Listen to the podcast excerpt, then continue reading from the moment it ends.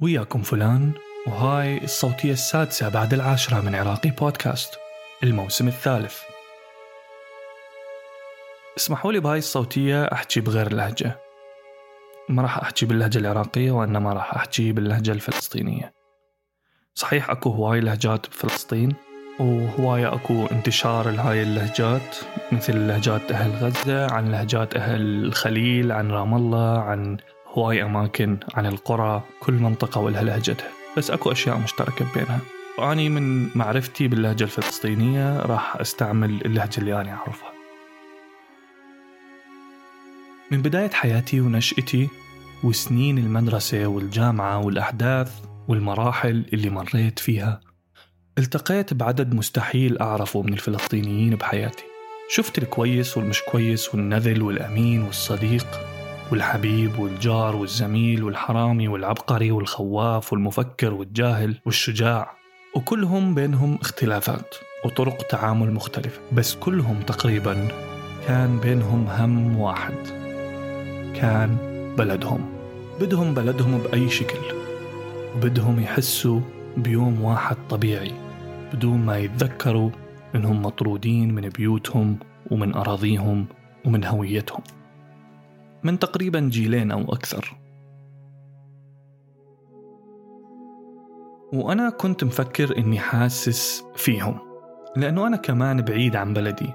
من يوم ولادتي وكنت مرات بعتقد إنهم بيبالغوا بردود أفعالهم اتجاه القضية الفلسطينية. وإنهم غلطانين لما انعرض عليهم حل الدولتين من خمسين سنة تقريبا. خصوصا إنه كان عندهم النصيب الأكبر بالأراضي. ولساتني بشوفهم غلطانين بهذا الإشي على الصعيد الاستراتيجي على الأقل. بس بعدين اكتشفت إني غلطان لأنه حالتي مختلفة تماما لأنه أهلي لما طلعوا كانوا بيدوروا على مكان أحسن بيربوا فيه أولادهم مكان بعيد عن الحرب والظلم والدكتاتورية. وبيقدروا يرجعوا بأي يوم من الأيام إذا حبوا أو إذا تسكرت قدامهم الدنيا وما ظل عندهم خيار ثاني. وجوازهم العراقي صحيح مش بأفضل حالاته هلأ بس جواز وبتقدر تستعمله. بس لما أجيت أبحر على حالة الفلسطينيين لقيتهم بدون جواز بدون بيت بدون أرض بدون هوية. الدول العربية بترفض تعطيهم جنسية والدول الأجنبية ترفض تعطيهم فيزا لأنه ما عندهم جواز ببساطة. يعني في دول مجاورة مثلا لفلسطين في كثير فلسطينيين عايشين بمخيمات وأماكن أوضاعها جدا سيئة. وفي قانون ببعض المخيمات إنك ممنوع تبني سقف فوق راسك بحجة إنك ما تنساش بيوم من الأيام إنك فقدت بيتك ولازم ترجع له. ومثلهم من القوانين السخيفة بكل مكان بالعالم. بيعانوا بسبب إنهم انولدوا فلسطينيين.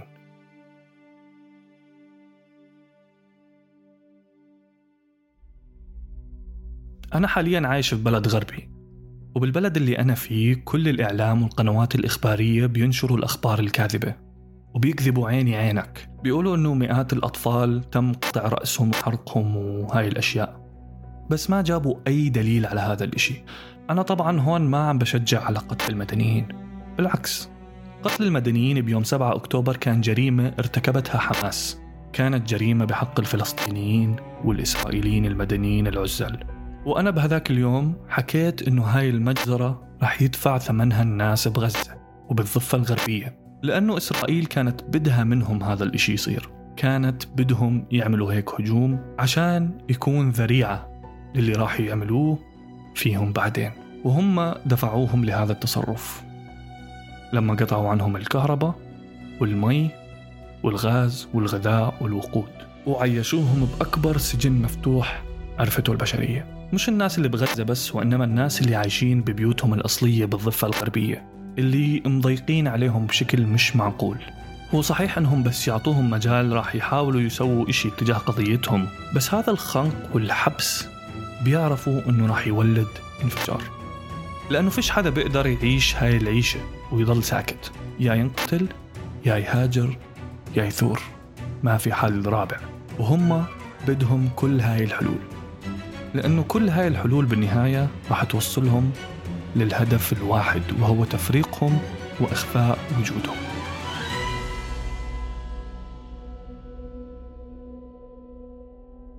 في مؤرخ فرنسي اسمه ألين جريش بحكي عن الأحداث الحالية. بيقول أنه في كل مرة بينتفض فيها الفلسطينيين يستحضر الغرب الذي لا يتوانى في تمجيد مقاومة الأوكرانيين الإرهاب.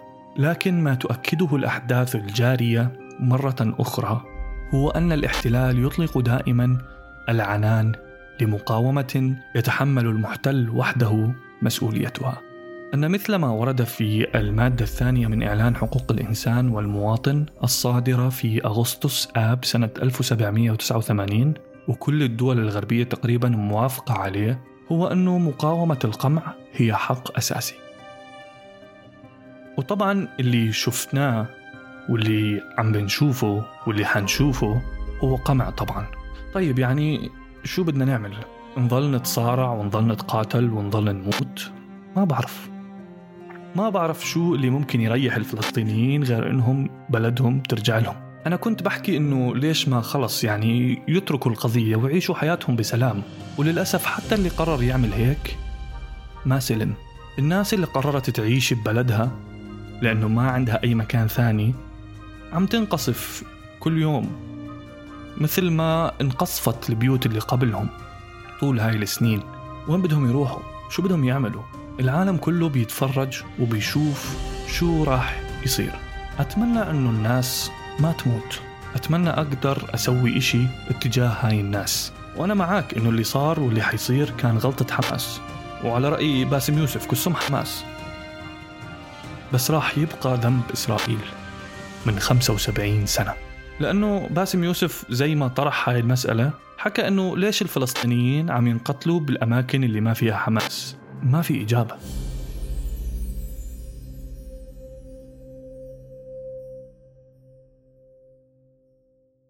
أكثر من أربع آلاف شخص راحوا ضحايا بعد الأحداث اللي صارت في آخر 13 يوم لحد تسجيل هاي الصوتية. كان من حق إسرائيل الرد من وجهة نظر دولية ودبلوماسية بس هذا مو رد. هاي إبادة هذا محو هذا تطهير عرقي. أكبر من ربع حجم القنبلة النووية اللي انرمت في هيروشيما انرمت على غزة بآخر عشر أيام. إنك تقصف أحياء كاملة وتقصف مستشفى وبعدين بترميها براس حماس وتفبرك دليل وبعدين يطلع دليلك باطل وإنك تستمر بالقصف وتطلب من الناس يطلعوا من بيوتهم ويخلوا لك المكان كله. هون راح تعرف إنه هذا مو مجرد رد وإنما كان إشي الحكومة الإسرائيلية تستناه من زمان وكانت بدها إياه. ما كان عندهم مشكلة يموت منهم مدنيين بهدف أنهم يمحوا الوجود الفلسطيني. ما بعرف إلى متى راح يستمر القصف. يعني حاليا وإنت قاعد بتسمع هاي الصوتية في قصف مستمر. شو راح يصير ما بعرف. ما بعرف إذا راح يصير في تدخل عسكري من غير دول أو تدخل سياسي أقوى. بس اللي بعرفه إني حزين على الناس اللي ماتت. إني حزين على اللي بيعيشون الناس حاليا هناك. أنا زعلان ومقهور. بدي هذا الإشي يخلص. بدي الناس تعيش بسلام. بدي الناس تحس إنه حياتها إلها قيمة. مش مجرد رقم بينحط بالإحصائيات والمانشتات الإخبارية.